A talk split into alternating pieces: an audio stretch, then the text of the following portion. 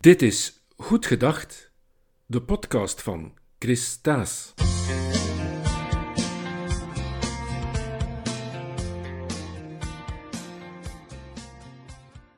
Vandaag toxische negativiteit.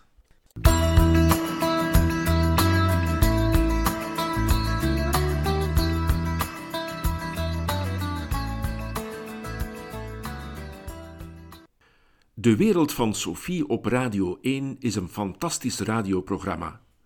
Laagdrempelig, eerlijk, spontaan en oprecht menselijk. Enige tijd geleden had Sophie Lemaire het over toxische positiviteit. Die toxische positiviteit houdt in dat alles in het leven altijd licht, luchtig en vrolijk moet zijn. Ze gaat uit van de premisse dat je alles aankunt als je maar positief blijft of dat geluk gewoon een keuze is, zolang je maar positieve gedachten koestert. Positiviteit wordt toxisch of giftig wanneer ze de realiteit van drama's, pijn en verdriet miskent en wanneer een open dialoog daardoor wordt bemoeilijkt of zelfs onmogelijk wordt gemaakt. In het radioprogramma kwamen luisteraars aan het woord die zich onbegrepen en gekwetst voelden door uitspraken van vrienden of kennissen in de zin van: Koop op, morgen gaat het beter. Of geen zorgen, dat komt allemaal wel in orde. Of nog: Trek het je niet aan. En anderen hebben het veel zwaarder.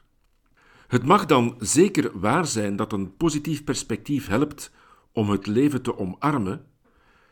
Toch heeft iemand die net haar partner heeft zien vertrekken met iemand anders of die net zijn werk heeft verloren, op dat moment geen boodschap aan roze brillen, romantische maneschijn of roze geur uit een kunstmatig flesje. Pijn en verdriet maken onvermijdelijk deel uit van het leven. Die emoties kan en mag je niet ontkennen. Je moet ze niet kunstmatig koesteren, maar je moet wel bij jezelf en bij anderen erkennen dat ze bestaan. Je doet er goed aan er mentaal en psychologisch ruimte voor te maken, ze niet weg te duwen en ze te delen met anderen.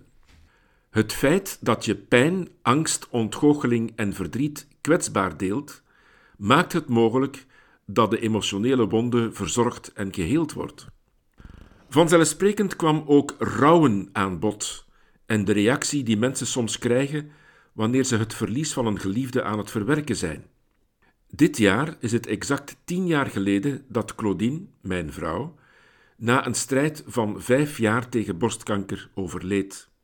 Op het vlak van rouwverwerking mag ik me dus helaas een ancien noemen. In de maanden en jaren na haar overlijden heb ik meermaals de vraag gekregen of het al wat beter met me ging en of ik er nog niet overheen was. Dat zijn ongeveer de pijnlijkste vragen die je kan krijgen. Alsof het om een griepje of een spierverrekking gaat. Als je echt van iemand houdt, dan valt bij een overlijden die persoon niet gewoon weg als een vervangbaar accessoire. Als je echt van iemand houdt en die overlijdt, dan word je bijna letterlijk emotioneel geamputeerd. Je verliest niet alleen die andere, je verliest ook een stuk van je eigen identiteit, van de persoon die je geworden bent met en vooral dankzij die andere. Het is niet alsof je geneest van een ongemak. Het is alsof je opnieuw moet leren leven met een weggenomen been of arm. Sommigen geraken daar nooit overheen. Ik ook niet. Dat betekent niet dat ik me niet gelukkig meer kan voelen. Dat betekent wel dat er voor altijd een gemis, een kwetsuur, een ontbrekend stuk in en van mezelf zal zijn. De vraag of het al beter gaat, is in die zin wellicht zeer goed bedoeld, maar totaal absurd. Vooral in de eerste jaren na het heengaan van Claudine kreeg ik ook vaak de vraag of ik nog niet iemand anders had, want dat zij nooit gewild zou hebben dat ik alleen zou blijven. In mijn kennissenkring zijn er flink wat weduwen en weduwnaars die na het wegvallen van hun partner een nieuwe relatie zijn aangegaan. Dat is perfect mogelijk en perfect legitiem. Dat doet ook niets af aan de authenticiteit van de vorige relatie of aan de diepte van die vorige emotionele band, maar bij mij ligt dat anders. Ik voel haar nog altijd intens aanwezig. Niet in een zweverige of spiritistische context, maar in de realiteit waarin ik elke dag leef, denk, voel en beslis. Hoewel er een fysieke scheiding is, voel ik me nog altijd emotioneel in hart en ziel met haar verbonden. Dat is voor mij geen romantische fictie of een verwrongen adoratie. We hebben samen zoveel fantastische dingen ervaren en beleefd, dat het residu daarvan me nog steeds inspireert en drijft en motiveert, zelfs na tien jaar. Ik ben dus op dit moment inderdaad nog niet klaar voor een nieuwe levenspartner en misschien zal ik dat ook nooit zijn. Maar ik sluit ook niet uit dat ik in de komende jaren iemand ontmoet met wie ik samen de rest van mijn leven kan en wil delen. Vraag aan rouwenden dus bij voorkeur niet of ze nog niet iemand anders hebben, maar vraag hoe het met hen vandaag gaat, hoe ze zich vandaag voelen en waarmee je vooral hen vandaag kan helpen. In de wereld van Sophie werd toxische positiviteit door sommigen ook geassocieerd met oppervlakkigheid. Als alles altijd geweldig en super en olé olé moet zijn, dan moet je ook de moeilijke uitdaging niet aangaan om op zoek te gaan naar een lang en stevig touw om iemand uit de put te trekken. Dan moet je ook niet te veel kostbare tijd besteden aan het minutenlang beluisteren van een klaagzang of van de zoveelste litanie. Het leven lijkt dan een heel stuk minder zwaar en ingewikkeld. Het upbeat sfeertje dat velen rond zichzelf creëren op sociale media is een permanente illustratie van de hopeloze illusie die men moet aantonen dat men het perfecte, zorgeloze leven leidt. Met alleen maar hechte vrienden en vriendinnen. Met alleen maar fantastische partners en feilloze kinderen. Met topprestaties op het werk, in de sport en in de vrije tijd met onvermoeibare energie en zonder enige tegenslag van betekenis. Een dergelijke fata morgana voor ogen houden is het ideale recept om na verloop van tijd keihard tegen de muur te knallen en jezelf als mens van vlees en bloed tegen te komen, met alle kwetsuren, gebreken en diepe twijfels van dien. Toch is toxische positiviteit volgens mij niet het belangrijkste fenomeen op het vlak van giftige gevoelens. Ik zou het daarom even willen hebben over toxische negativiteit.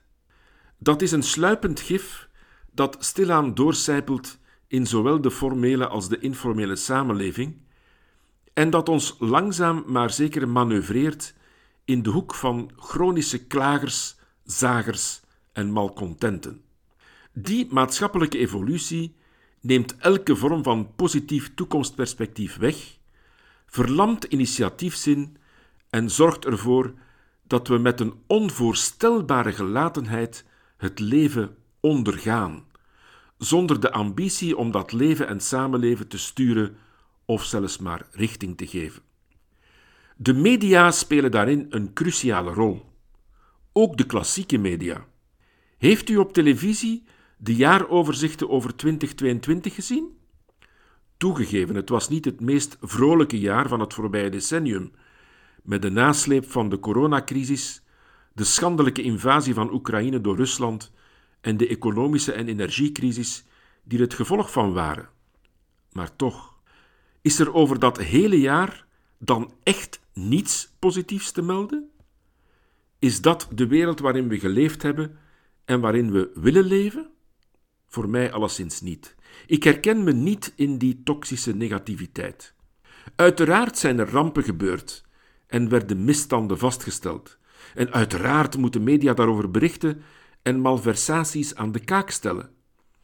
Maar als je een beeld creëert waarin de hele wereld een slangenkuil is, met alleen maar corrupte politici, hebberige bedrijfsleiders, miskende werknemers, gedrogeerde sportkampioenen en een natuur die onherroepelijk naar de verdoemenis gaat, dan moet je niet versteld staan dat mensen hun eigen schaduw niet meer vertrouwen en lak hebben aan de wereld van vandaag. Neem de problemen in de kinderopvang. In 2022 werden onaanvaardbare wantoestanden vastgesteld in sommige crèches, met kinderen die werden vastgetaped aan hun bedje, met peuters die werden geslagen en in het verschrikkelijkste geval met een baby die door mishandeling op het leven kwam. Dat laat niemand onberoerd en dat moest vanzelfsprekend worden aangeklaagd. Intussen zijn er heel wat crèches preventief geschorst of gesloten, omdat klachten voortaan wel nauwer worden opgevolgd en omdat het beleid nu wel prioriteit geeft aan meer inspecteurs en het voorzorgsprincipe hanteert. Maar heeft u in de media die uitleg al vaak gehoord? Zijn er al journalisten geweest die hebben opgemerkt dat het net dankzij die verhoogde waakzaamheid vanuit de sector zelf en vanuit de overheid is, dat nu veel sneller wordt opgetreden? U zult toch een tijdje moeten zoeken. Men houdt het bij het spectaculaire aspect van de onmiddellijke sluiting van een kinderdagverblijf en bij de begrijpelijke ontgoocheling van ouders die op onmogelijk korte termijn een oplossing voor hun baby of voor hun peuter moeten vinden.